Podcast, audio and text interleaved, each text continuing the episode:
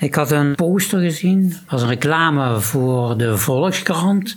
En daar stond een oude man. En die droeg in zijn armen een jongetje. Een jong iemand. En dat, dat heeft mij zo gegrepen en zo, zo. En toen mijn kleinzoon Stan geboren werd, toen dacht ik aan die reclamefoto voor de Volkskrant. En ik dacht, ik ga voor Stan, mijn kleinzoon, ook proberen een schilderij te maken met een oudere man. En in zijn armen een kleinzoon. In dit geval heel concreet Stan. En ik heb toen het schilderij maar genoemd wat ik voor hem maakte, Opa Hoed. En we noemen hem zo omdat hij bijna dag en nacht een hoed droeg. En die opa Hoed had één grote wens: een kleinzoon. En als hij met zijn groene vingers in de aarde van zijn tuintje vroette, dacht hij aan zijn kleinzoon. Hoe zou die groeien en groter worden?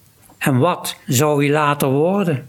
Automonteur, vliegtuigpiloot, leraar, schipper, rechter of misschien wel boer.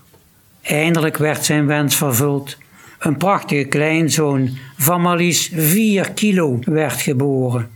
Opa Hoed wiegde zijn kleinzoon in de armen en dacht: Kleinzoon, kleinzoon, alles kun je van mij worden, behalve ongelukkig.